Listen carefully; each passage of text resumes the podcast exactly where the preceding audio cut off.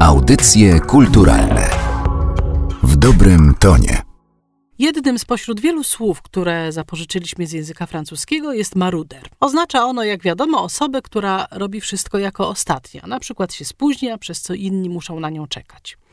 Coraz częściej też maruderami nazywa się jakieś instytucje czy państwa, drużyny sportowe, które są najsłabsze, są ostatnie w rankingach czy w tabelach rozgrywek. Inwestorzy giełdowi określają też jako maruderów fundusze, na których nie można wiele zarobić, a więc także fundusze słabe, najgorsze. Maruder może się kojarzyć z czasownikiem marudzić, niektórzy poza oczywistym podobieństwem formalnym, no bo maruder i marudzić brzmią podobnie, widzą też podobieństwo znaczeniowe. Maruder miałby być osobą, która marudzi i przez to działa bardzo wolno, bardzo powoli. Tymczasem pochodzenie tego słowa jest zupełnie inne.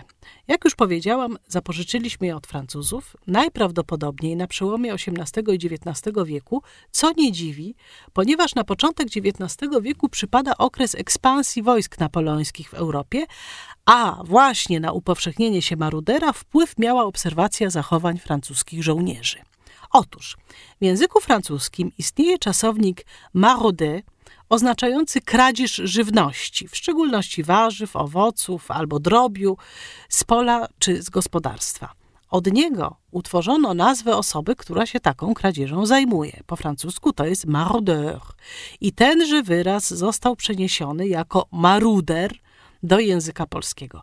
A zatem w języku, z którego maruder do nas przyszedł, czyli we francuskim, oznaczał ten maruder, a właściwie marudeur, osobę kradnącą rolnikom żywność.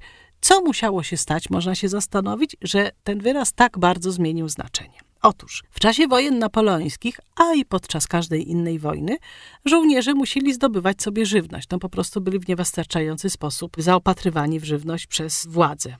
W tym celu odłączali się często od oddziału, żeby po prostu penetrować okoliczne pola. Polscy gospodarze, słysząc, że mówią oni o sobie marodeur, przekształcili tę nazwę na polską maruder i przypisali jej bardziej szczegółowe znaczenie niż Francuzi. Dla Francuzów bowiem marodeur to jak już wcześniej mówiłam, każda osoba, która kradnie żywność z pola, dla nas żołnierz, który w tym celu odłączył się od oddziału.